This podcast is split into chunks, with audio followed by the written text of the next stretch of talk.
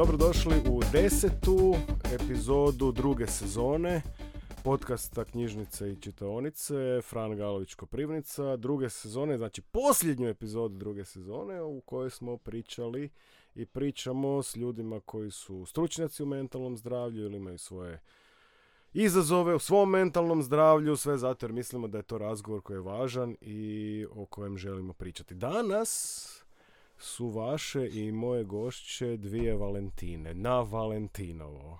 e, dobrodošle obje, tu su Valentina Tomiša Granđa. Bok. Bok i Valentina Čadavec. Pozdrav.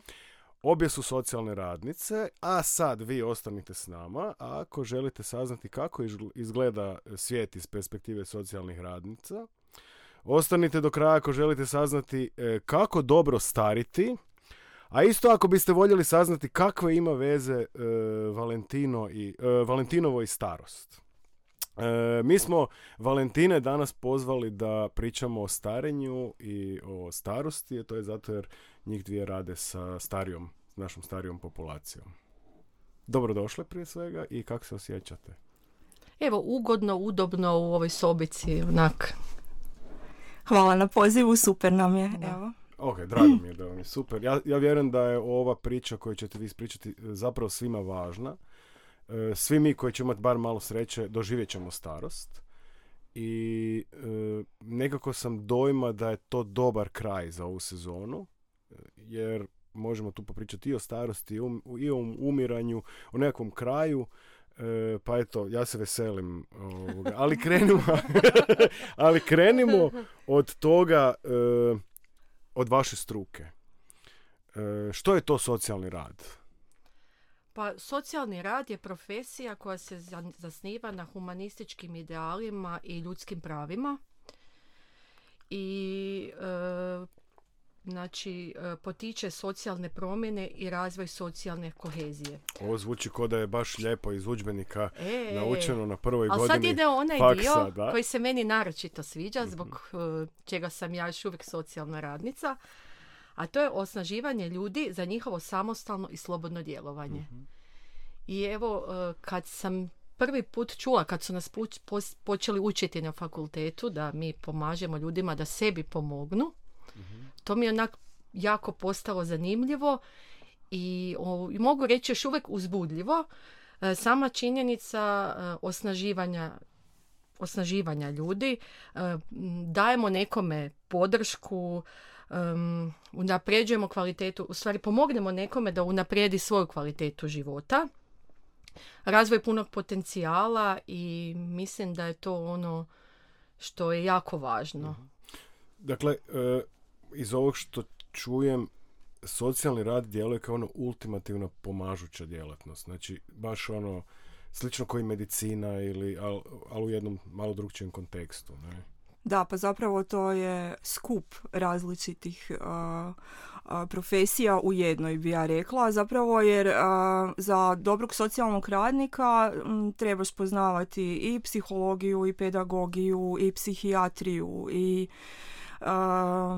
odgoj, mislim radiš sa različitim skupima, skupinama korisnika od djece do starijih, znači obuhvaćaš sve generacije i isto tako s različitim kategorijama društva. Tako da zaista moraš znati široko područje i ono što je recimo super meni kod socijalnog rada je zapravo ta potreba za konstantnim dodatnim učenjem i na sebi, ali i e, učenje novih nekakvih vještina i znanja koje ti svakako mogu pomoći u radu, tako da svi oni koji imaju možda želju više, koji naginju nekakvoj kreativnosti i potrebi da, da uče nove stvari, mislim da im je socijalni rad odlično područje jer e, široko je područje rada i zaista se svatko može pronaći u segmentu kojemu najviše odgovara. A u samoj praksi Znači susrećemo se s različitim ljudima, različitim situacijama i uvijek možemo i tu naučiti nešto novo. Jer ono, dolazi do situacija s kojima se prije nikad nismo susreli, makar dugo godina radimo to i to je onak još uvijek izazovno, teško, ali izazovno. E, za našu profesiju ja sam još htjela reći da je jako važno o, i to se sve više spominje i sve više se e, napominje važnost zastupanja Znači ono što mi, osim što mi radimo sa pojedincima, grupama, sad već kako ko u našoj profesiji, ono osvijestili smo da je naša zadaća i zastupanje obesnaženih i diskriminiranih. Znači mi ono moramo istupati u nekakvim zajedničkim akcijama, u nekakvim e, situacijama kad se treba boriti za, za ljudska prava. I mislim da je tu u budućnosti da evo ove mlade generacije koje dolaze da se sve više sve više se aktiviraju u tom pogledu i mislim da je to dobro za cijelo društvo i za pojedince. Ok, sad, nema puno djece koji mašte, a ja ću jednog dana postati socijalna radnica ili socijalni radnik. Kako ste vas dvije to jeste pa ja maštale? Mislim, ja mislim da niko to ne mašta. Mhm. Možda sam u krivu, ali sigurno ovoga. Pa evo kad već pitaš, ja sam skroz slučajno završila na ovom faksu.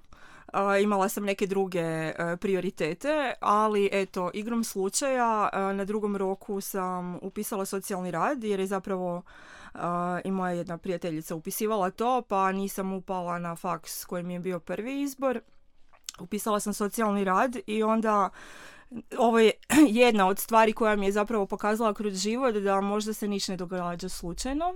I svaki put kad misliš da si negdje slučajno upal ili slučajno završil zapravo se pokaže da si tu možda i trebao biti. Tako da evo ja sam se stvarno našla i odličan mi je na kraju bio i cijeli studij i da se odmah i nadovežem, nisam nikad niti mislila da ću raditi sa starijom populacijom i to sam slučajno ovoga, igrom slučaja završila evo u tom dijelu i tu sam se pronašla i eto, mm, ono, ispalo je na kraju dobro. E, ja sam upisala u prvom roku, ali samo zato je jedna moja dobra prijateljica u srednjoj školi se odlučila za socijalni rad. Nak meni je to, moram priznati, zazvučalo zanimljivo i onak nisam znala puno o tome, ali mi je zazvučalo zanimljivo. Onak, ko da ima tu puno toga i puno toga zanimljivog i odlučila sam se onda upisati isto, moram priznati, nisam zažalila, makar evo nisam o tome planirala, maštala, ali isto tako rad sa starijima se isto nekak desio slučajno ali onda mm, na, vrlo brzo sam shvatila da, da to ne želim mijenjati i da želim raditi do kraja života sa starijim osobama. Da, puno ste toga sad rekla, ono, ono, te pozitivne strane i motivacije koje imate i, i ta priča oko faksa koji se zapravo svidio vam se očito i jednoj i drugoj. E, često se susrećem u osnovnoj školi, vjerujem da je u srednjoj isto tako, znači djeca koje, koja žele ići u pomažuća zanimanja zapravo ne znaju za socijalni rad. Jednostavno ne znaju za njega. Oni koji su se susreli e, sa socijalnim radnicima zapravo su oni koji su bili kao korisnici e, socijalnog rada, ali zapravo djeca ne znaju. Ima tu neki problem jer vi to e, loše komunicirate. O čemu je stvar? Pa ono koje obično kažu za nas socijalne radnike da samo radimo i da se ne volimo hvaliti s našim radom jer zapravo na kraju mislim da tko god završi socijalni rad je zato jer želi pomagati ljudima i zato jer je spreman se nositi s tuđim poteškoćama, problemima i želi pomoći u rješavanju toga. Ono kaj se nekak socijalnim radnicima dogode da, dogodi kroz rad da zapravo budu pretrpani nekom birokracijom, da su ograničeni sustavno i onda e, padne ona inicijativa možda koja je postojala na početku Ideali, e, ideali i sve. Ono kako svi kažu, ono većina kaže dođeš uh, sa željom da ćeš promijeniti svijet, a onda te realnost prizemlji. I zapravo mislim da je to najveći problem i to je ono kad je Valentina rekla ne samo ovoga osnaživanje korisnika nego promocija struke. Mi smo nekak od uvijek, koliko god dugo postojimo, profesija koja se ne zna sama za sebe založiti niti istaknuti kao nešto dobro. Ono kad čujemo o socijalnom radniku to je obično nešto negativno u novinama i medijima, a zapravo socijalni radnici rade puno više od toga, samo nemaju potrebu isticati mhm. to. To je naš problem i slažem se. Trebalo bi više o tome pričati. Mi jesmo dio pravnog fakulteta, ali kad govorimo o pravnom fakultetu svi prvo misle na pravnike, nitko ne misli na socijalne radnike kao dio tog faksa. Da, naša profesija ima negativnu, prilično negativnu percepciju, odnosno percipirana je negativno. E, zato dok dođe do nekakvog problema, naime taj dotični socijalni radnik, znači nije ni utvrđeno da je kriv, on već je, znači, ono, javnost ga osuđuje, znači većinom ni nije kriv, ono uvijek je neka, vjerojatno neka situacija, neke okolnosti, ali ljudi ne znaju koliko svakodnevno se dobrog napravi, ako i dođe do neke greške. Koliko je svakodnevno situacija, koliko je tu truda, koliko je tu dobre volje, pomaganja i tak da jednostavno trebali bi više govoriti o tome. Evo, zato mi je drago da smo i mi danas tu. Da, i meni isto. E, I zaista je interesantno ono, s jedne strane, ok, vi ste glas najslabijih, a, a, svoj glas možda nekad niste, jer vjerojatno vam vjerojatno i energije za manjka tu kad, kad treba promovirati struku, pretpostavljam. Da, definitivno potrošiš se na uh upravo tome zalaganju za svoje korisnike i onda sebe staviš po strani. Eto. uh Ok. Dobro, e, danas smo vas zvali tu da pričamo o starijim ljudima. Kako ste vas dvije... I, aj, aj, objasnite sad da čuju ljudi što zapravo radite? E, ja sam socijalna radnica u domu za starije i znači e, smatram da moj posao je znači prihvatiti ljude koji su odlučili, prvenstveno prihvatiti jer taj početak je najvažniji. Znači, ako su odlučili doći u instituciju, znači da tu postoje nekakvi razlozi. Dalje sad to izazovi u starosti kao što su bolest, nemoć ili je to osamljenost koja je sve češća ili su to možda neke loše stambene, stambeni uvjeti života ili narušeni obiteljski odnosi. Znači ljudi već dođu sa svojim problemima i zato ih treba, ono, trebaju se osjećati dobro došlo i sigurno. Onda je tu jedan period svakako adaptacije u kojoj... Koliko, koliko dugo ti već radiš u, u Sad. Pa o 23 godine. To je jedno bogato, bogato iskustvo, da. znači u ustanovi. Da. A ti si u jednoj drugčijoj priči. Pa u sličnoj, ali drugčije, da. Mhm. E, zapravo ja radim u klubu za starije osobe Mariška. E, klub se bavi van institucijom. Znači, e, mi imamo naše starije osobe, članove i korisnike koji žive u svojim domovima i zapravo im pružamo različite usluge i programe prije recimo dolaska u dom. Znači za sve one koji žele što dulje ostati u vlastitom domu da im bude što kvalitetniji život. Ok, sad, e, što bi bile specifične razlike, znači za vas obje, rada sa starijom populacijom? Što to znači? Rekli ste, socijalni radnici radi, rade i od djece sve do, do, do kraja života, ne? Koje su tu specifičnosti koje ste vi ono prepoznali?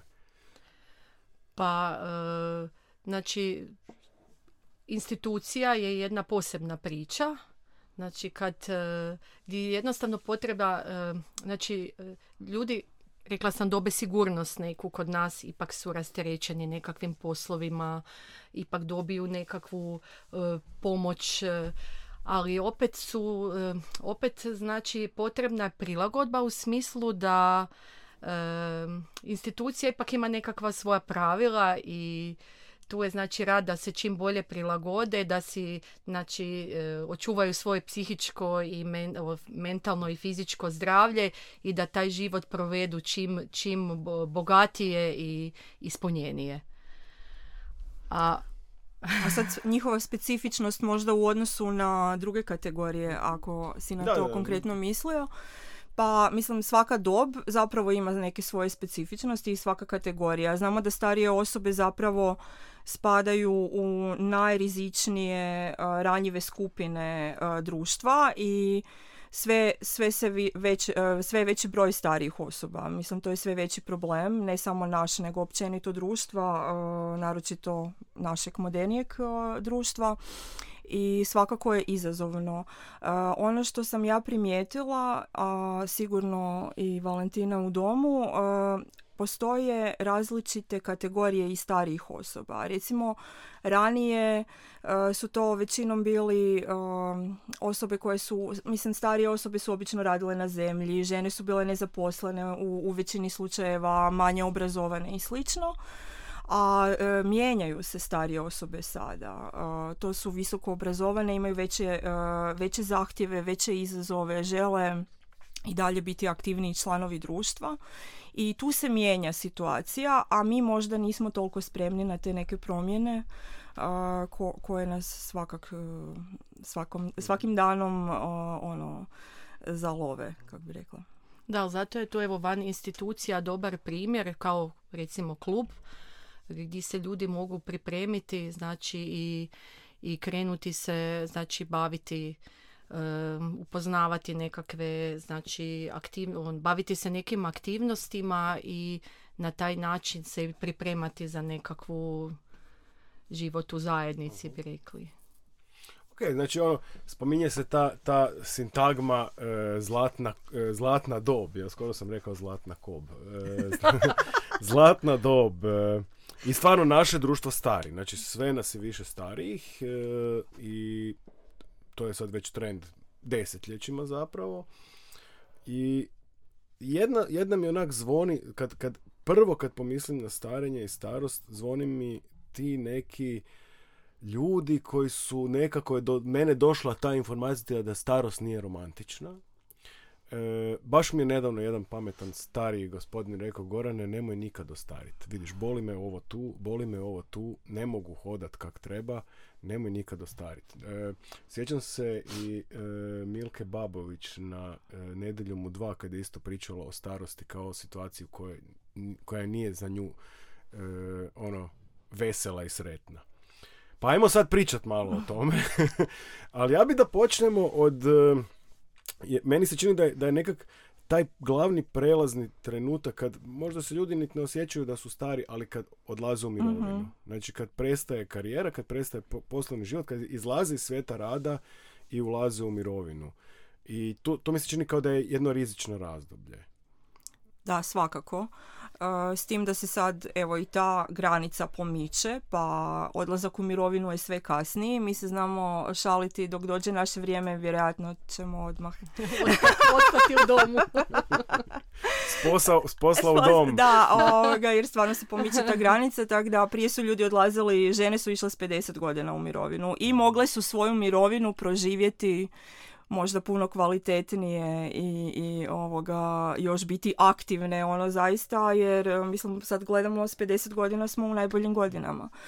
A e, mislim e, problem je u tome ovoga, mislim svakak je odlazak u mirovinu jedna velika prekretnica za svakoga. I problem je u tome kad se ljudi možda dobro ne pripreme za taj mm. prijelaz.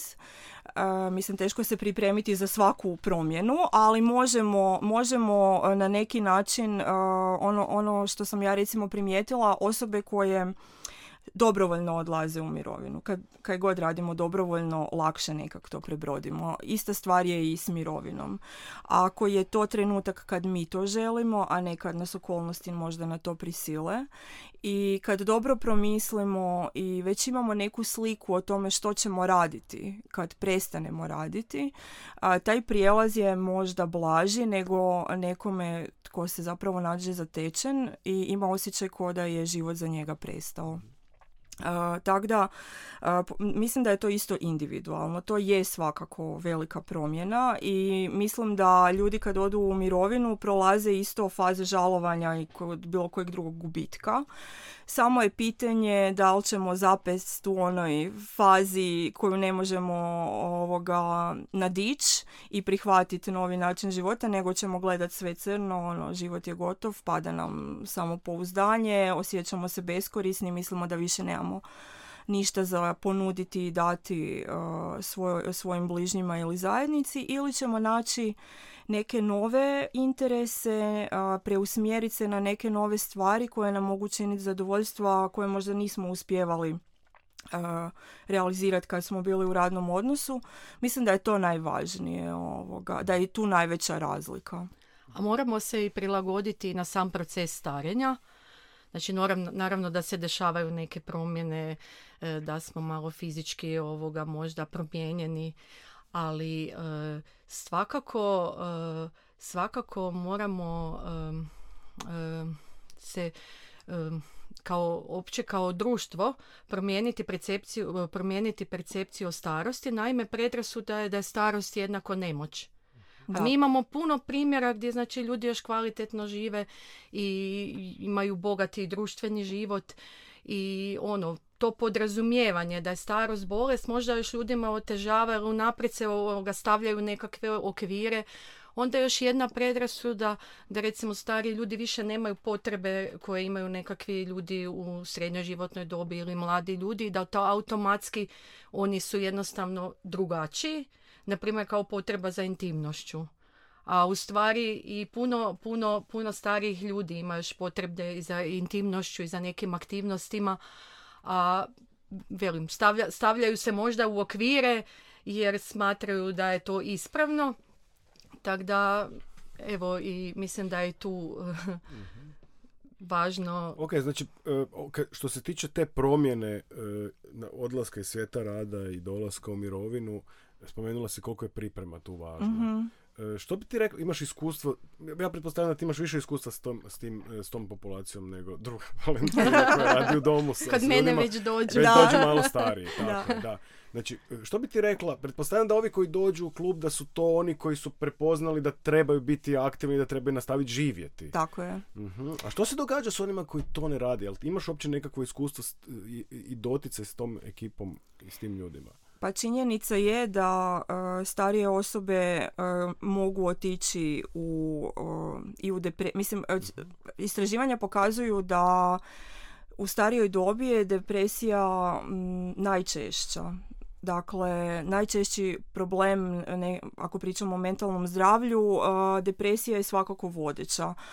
I možda često ostane i neprepoznata jer bude možda, pr- mislim, poistovijete se simptomi depresije s možda nekim drugim bolestima od kojih ljudi boluju, pa ostaje ne, ne diagnosticirana, a i općenito ono kako je i Valentina rekla, podrazumijeva se možda da starije osobe, to su normalne tegobe za starije osobe, pa ne pridajemo veliku pažnju, ali to naravno nije istina jer starenje je zapravo normalan proces i dio je života i mi svi želimo kvalitetno stariti. To, to bi nam svima trebao biti nekakvi primarni cilj da zadržimo ono sve one sposobnosti i funkcije koje imamo čim dulje u dobrom stanju, a da na te tegobe koje nam i možda dolaze i ograničavaju nas u nekim stvarima da ih prihvatimo i da vidimo što možemo učiniti da e,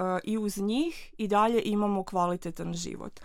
Tako da e, nama ono ko što si primijetio pre, pretežno dolaze e, članovi koji su aktivni i koji su prepoznali da ono nastavak aktivnog načina života im svakako može pomoći mislim tu su i, i fizička aktivnost, ali su, mislim da je najvažnija ona socijalna dimenzija.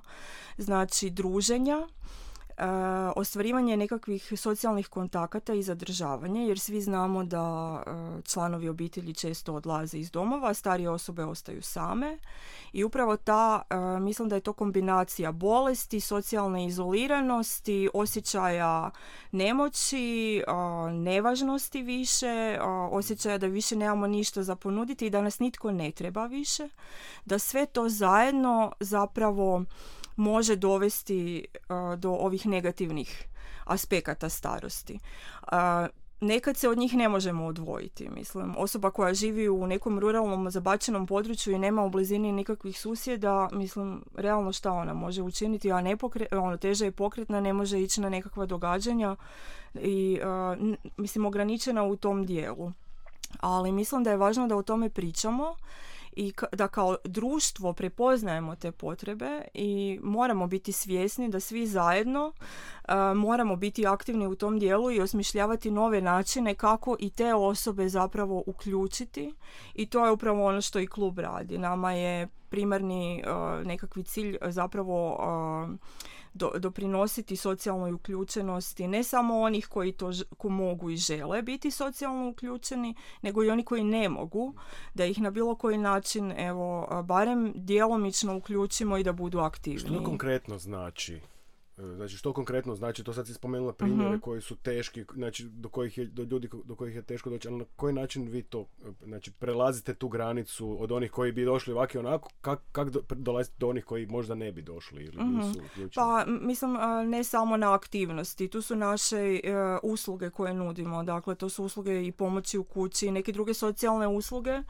savjetovanje, ne znam, terenski obilasci, različite, ovoga, različite socijalne usluge kojima, mislim, ljudima često bude dovoljno da ih neko obiđe jednom mjesečno ili jednom tjedno i već se osjećaju bolje. Ne moraju oni dolaziti na neke naše aktivnosti. Ako, mislim, svi smo mi zapravo društvena bića, neko više, neko manje i imamo potrebe za ne, neko ko nije bil kreativan u mladosti, teško da će postati ovoga. Mislim, može, ali ako nije imao potrebu za tim nekim dijelom ili ako ne voli pjevati, mislim, teško da će sad ići u neki zbor. Ovoga. Iako i to nije nemoguće, naravno. da, naravno. Da, Ima i toga. Mislim da je to više ono da se konačno ostvariš e, u nekim stvarima, u nekim segmentima u kojima nisi možda ovoga, imao hrabrosti ili vremena dok si bio mlađi. Ali ono kaj je zadaća nas ko socijalnih radnika je upravo taj individualni pristup. Da procijenimo potrebu e, ljudi i da vidimo u čemu su oni dobri, e, što im nedostaje i u čemu bi im trebalo pomoći i onda ih u tom dijelu ne umjesto njih odraditi, nego probati ih usmjeravati i vidjeti što možemo učiniti mhm. da im to i omogućimo. Ok. E, koji su ono glavni izazovi u području mentalnog zdravlja? Sad, pretpostavljam da kad se krene u, u starost, kad, kad krene mirovina, da to je ta depresija, da onda je možda još nema onih drugih stvari koje su vezane za, za starenje. Ali što, što još se događa? Pa svakako su financije jedan od izazova. mm Znamo da nam se odlaskom u mirovinu i mijenja i radna uloga i financijski uvjeti. A mislim da je to zapravo jedan od glavnih poteškoća s kojima, o kojima ljudi razmišljaju kad odlaze u mirovinu. Ne samo da gube onu radnu ulogu, da imaju e, svoj posao, e, ono, svoje obaveze, ne samo radne nego i obiteljske, ali puno toga se tu događa istovremeno. Znači, Um, obitelji, uh, mislim ljudi koji imaju djecu, vjerojatno su im djeca odrasla pa odlaze. Uh, oni odlaze u mirovinu, uh, smanjuju im se te financijske ovoga mogućnosti, dolaze tu i nekakve zdravstvene možda te gobe i sve. I odjednom vjerojatno se ljudi nađu ono u situaciji da možda ne znaju kako dalje. Jer često se zna dogoditi mislim nažalost sve češće zna se dogoditi da bračni drug zapravo tek ode u mirovinu i premine. Mislim puno je toga ti gubici ne mislim pričamo o puno gubitaka. Uh, da, to mi je riječ koja je baš tu, jer ono, smanjuje se znači opcije, e, ne, znači nemaš novaca, onda da. nekakva iskustva koja su ti možda prije bila e, dostupna, sad ti više nisu, na primjer. I nestaju, znači prijatelji isto tako nestaju, odlaze, umiru, ne, znači jedna, jedna onak, kad malo sa... Crna priča. Da, da, da. da. da, ali mislim, kažem, to je dio života i uh, mislim to je sve normalno. Sve, svi smo mi prošli neke gubitke tijekom života. Možda smo izgubili baku i djeda, možda smo izgubili nekog drugog člana obitelji. Kad prijeđemo iz vrtića u školu, izgubili smo svoje tete u vrtiću, izgubili smo prijatelje možda jer više ne idu s nama. Kad završimo, mislim, cijeli život uh, imamo te prijelaze i možemo ih, kažem, gledati kao crno kao gubitke koji su nas satrali ili možemo uh, to prihvatiti kao dio života jer zaista je. Mislim, svako ima period kad će tugovati, žalovati i to. Bitno je da svatko od nas pronađe snage da prepozna i dobre stvari. Evo, Valentina može i sama reći, ona se veseli mirovini, jel da? Naravno, evo, to je zlatno doba. E, netko može gledati na način da će konačno imati vremena za sebe. Odlaskom u mirovinu moći će konačno putovati, moći će se više družiti sa svojim unucima. Pročitati moći će... sve one knjige koje nismo pročitali, pogledati filmove. Ja bih još htjela dodati da je jako tu važna i podrška obitelji. Znači u svemu, u svom, svom tom procesu starenja na svakom koraku je važna podrška obitelji i primijetila sam da je starijim osobama jako važno da ostanu u kontaktu sa svojim unucima, sa svojim praunucima, da ih to jako veseli. To je kao produžetak njih samih doživljavaju i zato, zato bi trebali dolazi do situacija kad jednostavno se prekidaju neki odnosi zbog nekih narušenih odnosa, ali bi stariji, znači trebalo bi im biti omogućeno da se druže sa svojim znači unucima. Isto tako se unucima ne bi smjelo uskraćivati da se druže sa svojim djedovima i bakama. E, podrška naravno kćeri sinova je jako važna i onda je to ipak pomoć pri... lakše. Da, lakše. mm Ok. Kod tebe dolaze ljudi koji kojima već zapravo treba vel, veća pomoć, jel tako? I koji su manje samostalni?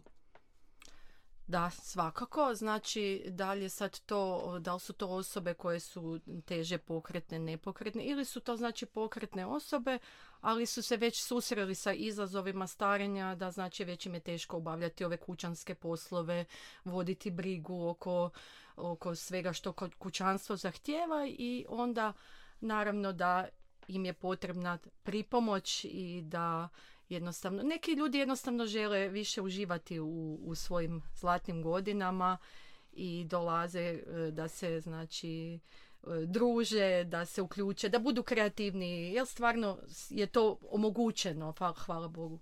Imaš 20 godina iskustva i više. E, što bi ti rekla, jel većina ljudi u dom dolazi zato jer želi doći u dom ili zato jer nemaju drugu opciju? Pa kad se prisjetim e, na samim počecima mog rada u domu, e, bilo je jako, bilo je drugačije. Znači, onda je bilo drugčije doživljavan e, odlazak u dom i tu odluku su znači do, do, donijeli teže ljudi ili su čak u nekim slučajevima donijeli neko drugi je donio odluku za njih i došli su tu, sad je to zadnja stanica, to je ono.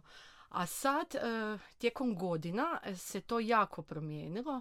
Sad ljudi donose odluku e, više iz pozicije idem proživjeti još kvalitetnije život jer mi je to tamo omogućeno. I evo, Valentina tu isto zna da koliko je tu i klub Mariška sa svojim tim aktivnostima doprineo, doprineo da znači ljudi upoznaju kako žele dalje proživjeti svoju ovoga svoju starije dane. mm Koliko vi korisnika imate? Korisnici su, jel? Nisu gosti. Pa zovemo ih korisnici, ali ajde, možda znači, stanarima. ok, stanari. Možda će okay. zvučati onak da, da, da, da. stanari. Znači, gosti još bolje, kod da su u hotelu, e, ne? E. Mislim, uh, koliko ih sad ima? 265. Znači, 265. To je jedno, pretpostavljam da, da ima i ljudi koji nisu pokretni, koji su u stacionaru, pretpostavljam, da, jel? Da. uh Ali ko, ono, znači, tu se 100-200 ljudi druži, zapravo imaju prilike pronaći nekog. Znači, jedan, taj dio koji si pričala oko socijalnog, e, socijalnih odnosa, to, tu, tu mogu ljudi relativno bogato živjeti, barem to moj dojam. Da, naravno. Naravno, mogu ostvariti svoje nekakve baš potencijale, znači, ili, ili ako neko recimo cijeli život e, volio nešto kreativno raditi, može se tu i izraziti. Drugima je to nekakav novi izazov, pa probaju, pa, pa se ovoga jednostavno osjećaju zadovoljno, ispunjeno.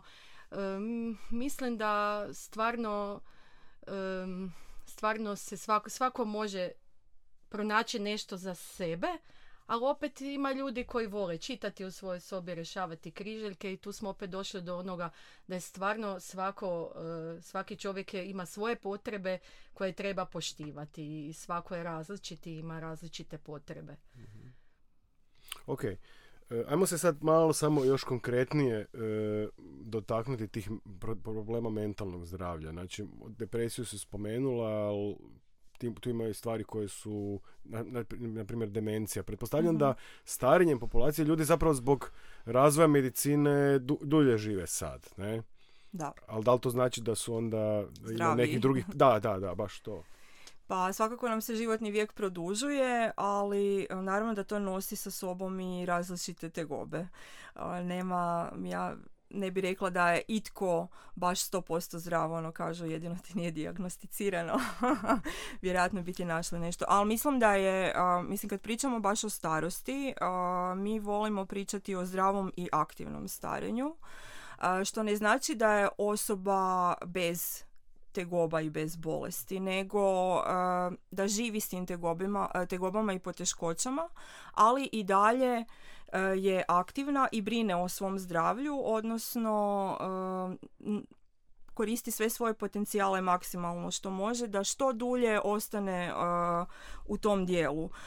ono što osobe starije životne dobi svakako osim kažem depresija broj 1, ono što se, o čemu se sve više priča je upravo ta demencija, Alzheimerova demencija i druge demencije kojih je sve više obzirom da ja nisam liječnik ne bi ulazila u ovaj zdravstveni dio, ali ono što mi primjećujemo kao kao socijalni radnici koji rade s tom kategorijom da demencija pogađa sve mlađe osobe čak i radno aktivne osobe, znači ne pričamo o staračkoj demenciji koja je nekako normalna, nego o demenciji koja pogađa sve veći broj ljudi u mlađoj dobi, a zapravo je i dalje tabu tema. Znači o Alzheimeru se ne priča odnosno priča se jako malo. Mi koji smo stručnjaci i odlazimo na kongrese i proučavamo stručnu literaturu i uključeni, ono, brine nas to, zaista nas brine i primjećujemo kod naših korisnika ono što je problem, mislim kod nas da se ta e, demencija zapravo često isto ne dijagnosticira. Ono što ljudi i dalje misle da, e, da je to e, stigma, da je to nepoželjno i ne žele do one krajnje faze dok više nema pomoći zapravo niti govoriti o tome, skrivaju taj dio ili ako im je bračni drug u demenciji isto to pokušavaju, mislim, zataškati. Problem što ne znaju na vrijeme ni prepoznati. Da. Trebali bi pričati o tome da se na vrijeme prepozna. Mhm. A zapravo ono kaj struka govori da rano prepoznavanje demencije, rano otkrivanje može puno učiniti na tome da e, osoba ima kvalitetniji i dulji život. Uh, mislim, osim toga, kad se već, e, kad govorimo i o tom dijelu, e, mislim tu, tu su i samo ubojstva u starijoj dobi. E, Hrvatska je iznad prosjeka u tom dijelu. Tako da, mislim, ono što stručnjaci opet u istraživanjima kad o tome pričamo govore da je kod nas to možda izraženije upravo zbog te socijalne dimenzije. Mislim, nama je gotovo svaki drugi, svaka druga starija osoba u, u riziku od siromaštva i ta brojka se povećava. Djeca nemaju više one financijske mogućnosti kao što je nekad možda bilo. Mislim, danas mladi iz zrelih godina mislim dižu kredite koje otplaćuju do kraja života, do svoje penzije. Ne mogu možda sufinancirati svoje starije. Mirovine su znamo kao kolike, male i niske. I mislim puno je to problema koji su uvjeto, društveno uvjetovani i koje ovoga koje pogađaju mislim zaista veliki broj starijih osoba. Mislim da je taj dio najveći problem. jer osim, mislim, procjenjuje se da zapravo nekak se uzima zadovoljstvo životom se uzima kao mjera prilagodbe na starenje. Mislim koliko smo mi zadovoljni svojim životom, pa ako smo zadovoljni životom, onda ćemo i kvalitetnije stariti i prihvaćati sve ove izazove. Ali puno toga nam i društvo onda uvjetuje i otežava nam u tom dijelu jer bez, teka, bez tog dijela znači tu mora uh, svakoj starijoj osobi i društvo biti podrška. I tek kad ima uh, podršku zajednice uh, i društvo koje rješava nekakve njegove osnovne životne poteškoće, probleme i potrebe, e onda se tek osoba može realizirati u ovim drugim mhm stvarima. To znači da tu imamo još ono, kak se lijepo kaže, prostora za napredak. Puno, uh puno. I naročito u prevenciji, naravno, uvijek je bolje nešto spriječiti nego onda liječiti. uh Sad kad ste već, kad si spomenula prevenciju, e, kako prepoznati rani Alzheimer? Ako nas sad neko sluša, ono, što to znači? Što znači to? Pa dobro, sad ponavljam, nismo, liječnici, ali, e, neke, neke možda situacije koje možemo primijeniti. Mislim, e, svi kažu, ah, e, ono, imam Alzheimer, počeo sam zaboravljati. Nije to. Znači, svatko od nas zaboravlja i to je normalno, e, pogotovo u starijoj dobi. Mislim, i mi mlađi zaboravljamo. Ono, preopterećeni smo hrpom stvari i normalno je da zaboravimo. Ali neke situacije koje su možda neočekivane i nisu primjerene. to je ono što može ukazivati. Znači nije stvar u tome, nije problem ako sad nešto zaboraviš, nego ako ne znaš se vratiti kući, ako staviš neku stvar na mjesto gdje ne pripada, ako, ako ne možeš...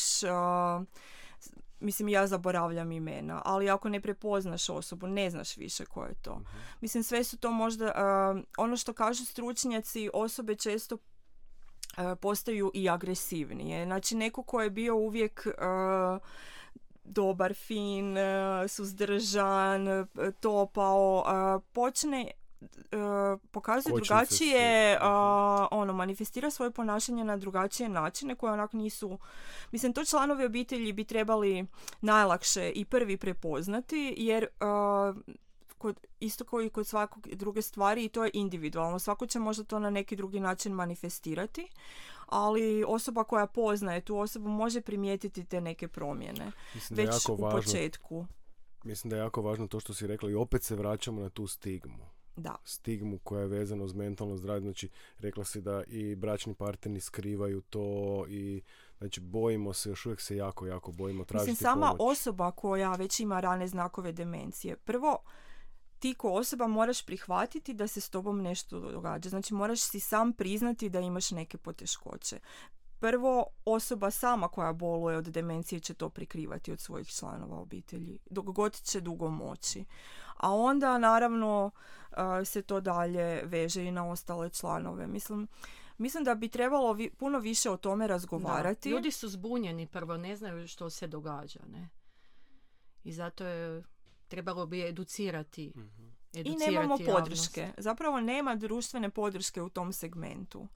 Liječnici isto, mislim, nemaju dovoljno možda i vremena i ni, ni znanja. Postoje određeni testovi koji se mogu koristiti za rano predpoznavanje demencije. Pitanje je dok dođemo kod svog obiteljskog liječnika koliko će on imati vremena da te neke stvari utvrdi, a osoba to sigurno sama neće reći. Ista stvar je i s nama. E, ako s nekim nismo dulje, mislim na 10-15 minuta, na pola sata teško da ćemo ovoga, uspjeti e, primijetiti neku promjenu. Recimo možda je to u domu puno lakše. jer su u domu ljudi 24 sata i svaki dan su nam dostupni i puno zaposlenika uh, se kroz dan susretne. Da. da da puno zaposlenika ima prilike to saznati i ali onda znaju članovi obitelji biti zbunjeni recimo dođu i osoba se normalno ponaša i ono odu i na, znači desi se u mhm. drugi dan može biti jedno sasvim drugčije ponašanje i tako da je to onak dosta je izazovno mm. Ok, e, sad smo pričali o toj društvenoj ono, e, imam, zanima me Jel ima smisla pitati ovo? kako se možemo ljepše ponašati prema starijim ljudima? Jel se ponašamo, pričamo o osobnoj razini. Znači ono, prema nekim kategorijama ili prema, prema ne znam, osobama s invaliditetom ima nekakav način ophođenja u tom smislu, znači, jer ima nešto što zaboravljamo često, u privatnim kontaktima osobno, ili sa nepoznatim ljudima na ulici, ali ima nešto što bi mogli, a ne radimo. Opet je to ono neko podrazumijevanje, podrazumijevamo da stariji ljudi ne čuju pa počnemo vikati ili podrazumijevamo za osobu u, recimo e, sa invaliditetom da, da moramo nešto učiniti, znači moramo prvo pitati. Moramo prvo pitati, saznati što toj osobi treba Jer onda dolazi do tog nerazumijevanja, ljudi se osjećaju neshvaćeno, misle još imaju određeni stupanj samostalnosti, a mi im sad tu uskačemo u njihov prostor ili opet kad trebaju pomoć ne pitamo pa ne dobiju tu pomoć. Ja mislim da je stvar u tome samo, mislim, pitao si za ljepše ponašanje prema starim ljudima. Mislim, isto je koji ljepše ponašanje prema bilo kojim ljudima. Jer mislim da tu nema nekakve posebne razlike. Ili se ponašaš lijepo prema ljudima ili ne. Ali uh, zaboravljamo da starije osobe su isto samo osobe. Mislim, pričamo o osobama, mi ih kategoriziramo kao starije osobe jer evo, tak je to određeno. Ako si stariji od 65, spadaš u starije osobe. Ali mislim da se tu ništa ne mijenja. Mislim, mi smo svi različiti i svi smo individue za sebe i svatko ima e, svoje potrebe i svoje interese i svoje želje i svoj način komunikacije i o, njima se ne mijenjaju sad te potrebe ili, ili način ponašanja ili išta samo zato jer su ostarili deset godina. Okay.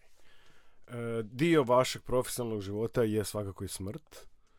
E, stariji ljudi na kraju života umru. E, kak se mi kao društvo nosimo sa smrću? Imam dojam da je to još uvijek tabu. To je isto tabu. I bojimo se, da. bojimo se smrti, da.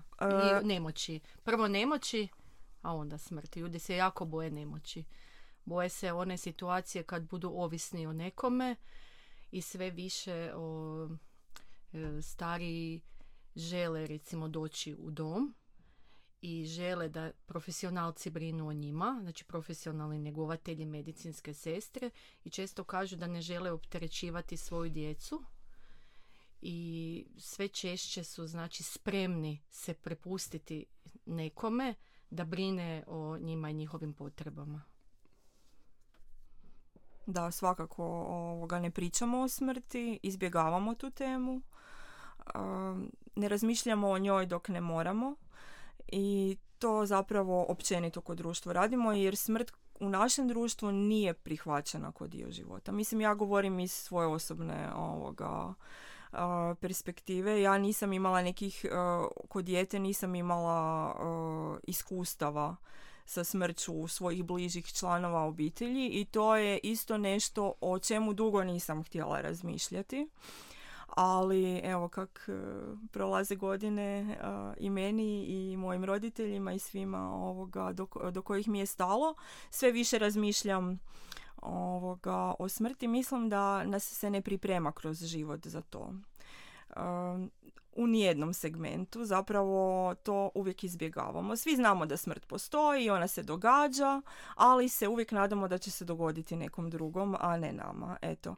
E, Tako da, evo, mi se s njom suočavamo svakodnevno i svakako e, moramo, moramo o njoj razmišljati, ali e, i dalje mislim da i ko profesija i, i ono ne pričamo mislim ne radimo puno na tom području da bi možda i naše e, korisnike i naše članove možda pomogli im u, u tom dijelu jer evo niti većina niti ne želi mhm. o tome pričati. Mi imamo iskustva recimo s našim e, članovima kad dožive gubitak, uh, povuku se na jedno vrijeme i onda kad osjete da su ponovno povratili snagu i želju da se nastave družiti, opet se priključe. Ali e, da, evo, to je svakako tema koja da. zahtjeva još puno, puno ovoga razrade i podrške i puno se može na tom području napraviti. Moje radno mjesto je specifično s obzirom da se već dugo godina evo, susrećem sa smrti. Znači ljudi koje ste viđali svakodnevno odjednom ih više nema. I to je onak je teško i treba se nositi s tim, ali mislim da s obzirom na to iskustvo da je lakše, zato, zato bi trebali općenito se ljudi jednostavno više razgovarati da o tome i definitivno to raditi na tom prihvaćanju. Jednostavno treba baš aktivno razmišljati o tome. Da svaki početak ima i kraj, da je to prirodno i u situacijama kad mi razgovaramo na primjer o odjeći za sahranu. To je jedna, recimo, jedna sasvim realna e, situacija koja se dešava i koja nama u našem radu znači olakšava ta priprema je e, nama znači puno znači jel, dok, do, do, dok dođe do smrti i onda sad vidite neke obitelji znači su spremne e, pričati, pripremiti se to nekima, to jednostavno je teško uopće dok, dok spomenemo. Tako da evo tu se, tu se vide te razlike među ljudima koliko je ko uopće spreman pomisliti na to, a kamoli pričati ili razmišljati malo dublje o smrti. A ta konačnost opet nam može osvijestiti koliko je život lijep i jedinstven i kako ga treba živjeti svaki dan. Da. E, hvala vam, ovo je bilo jako interesantno. Ja sam puno toga naučio, siguran sam da su i, i, i, svi koji su nas slušali. E, ima tu puno težine. Kako vas dvije brinete o, o sebi? I to u, u, dva segmenta. Jer ima nekakva podrška u smislu profesionalne podrške i kako vas dvije živite s tom ono, kak, kak si pomažete? Evo, postoji, postoji ovoga supervizija, znači u profesionalnom radu. Mi to nemamo organizirano kod nas u domu, ali mi si to sami posložimo i jednostavno je to jako važno. Znači, međusobno, evo, ja imam divne kolegice s kojima mogu podijeliti nekakve svoje sumnje, e, nekakve svoje, znači, upitnike, ono, opet mogu izbaciti neke stvari, jednostavno dolazimo do frustracija i ne, pitati za nekakve ovoga, da nekakva rješenja i međusobno si na taj način mi sami radimo tu superviziju. Znači ono, i ljutimo se skupa i mhm. smijemo se skupa i mislim da je općenito taj pojam supervizije važan. Ako već nije organizirana možete si, znači može se mhm. sama Bitno je da te neko čuje ko te može razumjeti. Da, ta mhm. nekakva povratna, povratna informacija. Tako da evo meni je, to, meni je to velika pomoć, a i idemo evo na neke edukacije, na neke kongrese gdje se vidimo sa kolegicama i kolegama iz nekakvih drugih institucija ili sličnih nama ili iz nekih drugih područja i onda se isto tako međusobno razmjenjujemo neka svoja iskustva. Ja znam svaki put da me to onak dosta dugo drži. Da, slažem se s Valentinom. Evo, to, to je zaista taj dio koji nas ono, iz ovog stručnog dijela, ako stručne radnike ovoga, može nam olakšati svakodnevne teškoće, upravo taj naš ovoga, odnos bliski, ono, kole, ono kolegijalni i zaista tu možemo si puno pomoći.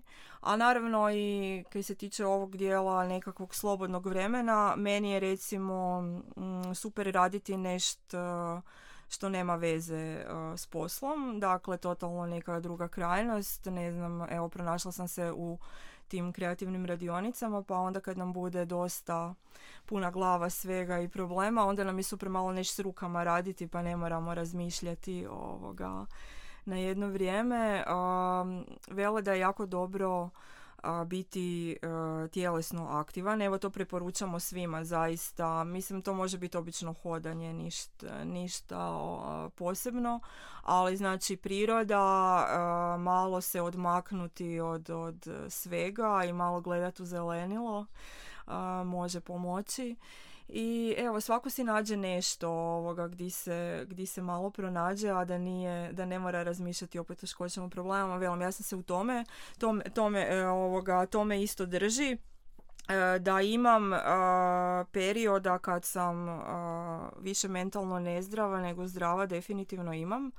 Mislim da nitko ne, ne može proći bar bez nekih epizoda kad je ovoga.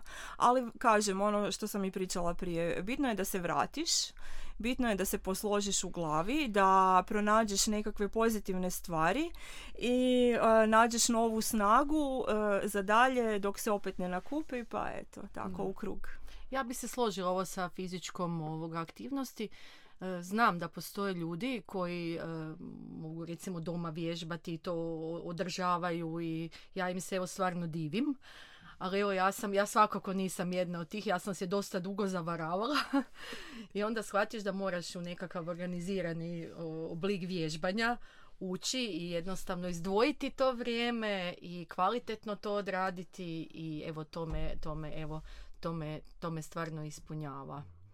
A e, što se tiče, e, recimo svako ima neku, neku svoju, ja volim čitati ovoga i mislim da da me to onak nekak jednostavno izbaci u neki drugi svijet. Evo, i...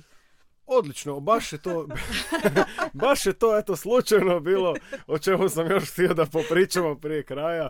E, s obzirom da smo u knjižnici, s obzirom da je ovo e, podcast naše knjižnice. E, ajde vas pitam kako vaša ekipa starijih, e, koliko se oni služe s knjižnicom, koliko ljudi čitaju. Mislim, neki već ne vide dobro, je li to problem, jer imate knjižnicu u domu? Imamo, imamo svakako knjižnice u domu i ljudi se sve više e, sve više se koriste knjižnicom jer dolaze nam ljudi koji su već od prije, znači generacije koje su naviknute čitati.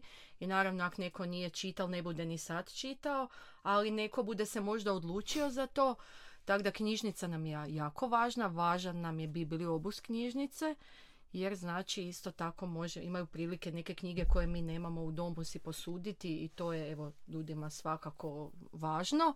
Onda audio knjige su upravo knjige kojima su se ono, znam dosta naših stanara se služilo s tim knjigama koji su znači imaju oslabljeni vid ili su slabovidni i znači e, na taj način imali su prilike čitati na taj način. Ne? A, da, knjižnica je meni, onak budi mi lijepe uspomene, jer puno puta smo bili u knjižnici na radionicama i to su bili susreti s djecom i to su bile uvijek lijepe teme i to je bilo, ti susreti evo, baš su bili pun pogodak za, za naše korisnike, a i za djecu i mislim da je to u tom pogledu bi trebali, svakako ćemo zastaviti i mhm. dalje suradnju lijepa međugeneracijska suradnja i druženja. Da. Da, ima ovoga, ona priča uh, vrtić i vrtić i dom umirovljenika na istom mjestu, uh korisno i za jedne i za druge. Da, da. da, da, Ok, evo ga, došli smo do kraja, do moje igre asocijacija. Sad ćemo izvući pet asocijacija, pa ćemo vidjeti što, na što će vas asocirati. Svaka jedno? Sve se boje. ne, ja bi, ja bi da izvučete jednu i da svaka veli svoju asocijaciju. Znači pet komada. Evo ga.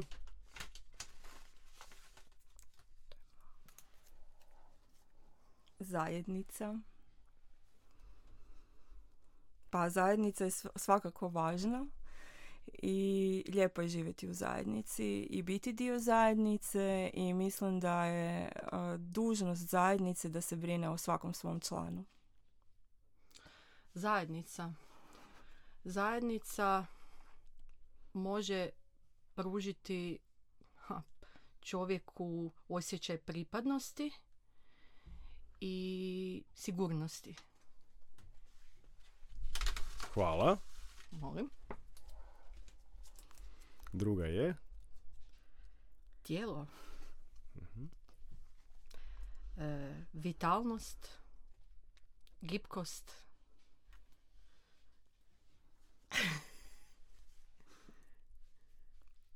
promjena mm i ljepota. mm Ok. Treća. Ko će izvući? Ko će izvući?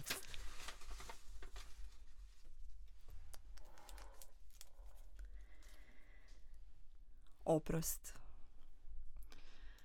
Potreba i nužnost. mm pa jako je važan za naše mentalno zdravlje. Slažem se. Četvrti, jel? Aha, imamo pet. Da, pet komada. Pet komada. Te neke lako izvuci. Četvrti. Izvuci nešto lako, ajde.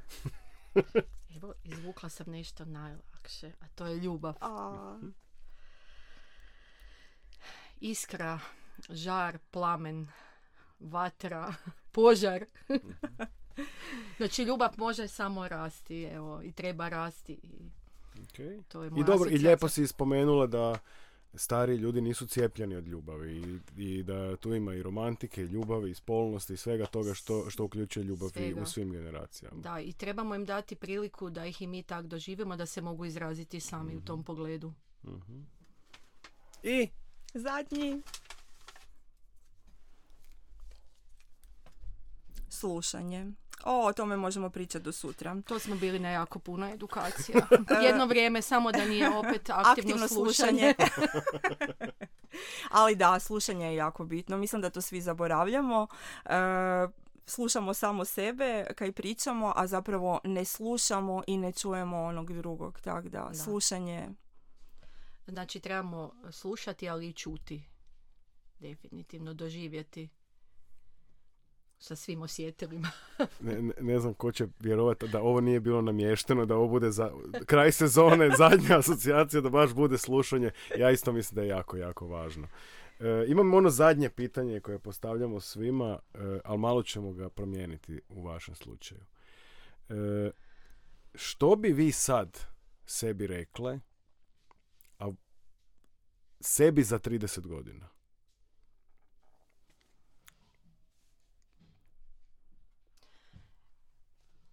Živi sad, živi čim potpunije i iskoristi svaki taj dan, svaki, svaku, svaku mogućnost. Evo sad bi se tu nadovezala, pa ja već 23 godine ono, dobivam savjete od naših bakica i to zvuči ono, joj da mi je onda bila ova pamet, ja mhm. bi to i to i to, pa onda nemoj ti si mlada, nemoj propustiti živjeti i mislim da bi, da bi, si, da bi to bila poruka. Pa slično, svakako mislim da bi si rekla da, da se nadam da sam iskoristila svaku priliku koja mi se pružala i da nisam ništa propustila za čim bi sad u, nakon 30 godina žalila. Evo.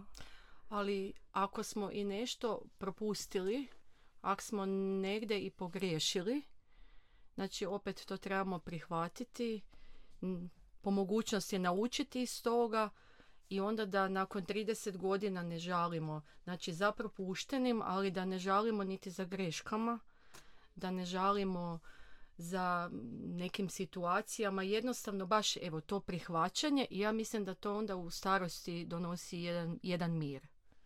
Bez obzira šta smo proživjeli, što smo doživjeli, što smo pogriješili, tu smo bili gdje smo, živjeli smo u tom trenu onako kak smo znali i sad u starosti budemo na to pogledali, ali sa jednim mirom. Hvala. Drage Valentine, hvala vam puno. Hvala e, tebi, Šika. Hvala. Molim lijepo. E, hvala u ime svih koji su nas slušali. Vjerujem da su čuli puno toga što će im biti i zanimljivo i korisno. I evo ga, e, došli smo do kraja sezone. U ovoj sezoni snimili smo preko 10 sati razgovora s 11 iznimnih ljudi. Ugostili smo stručnjake u mentalnom zdravlju, ugostili smo ljude koji imaju izazove sa svojim mentalnim zdravljem i to redom o, u prvoj epizodi gost je bila moja prijateljica Dijana Mateša od koje smo naučili mnogo o psihoterapiji.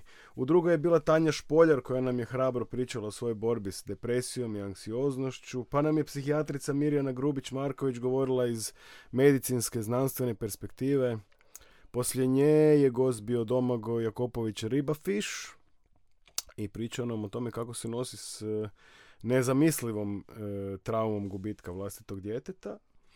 Poslije njega je bio Mario Kovač u petoj epizodi. E, on je prštao od mentalnog zdravlja i poslušajte tu epizodu ako niste, jer taj razgovor je baš ljekovit.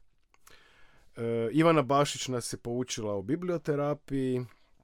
Ida Šipek je e, vrlo otvoreno i toplo pričala e, što sve sa sobom nosi posvajanje.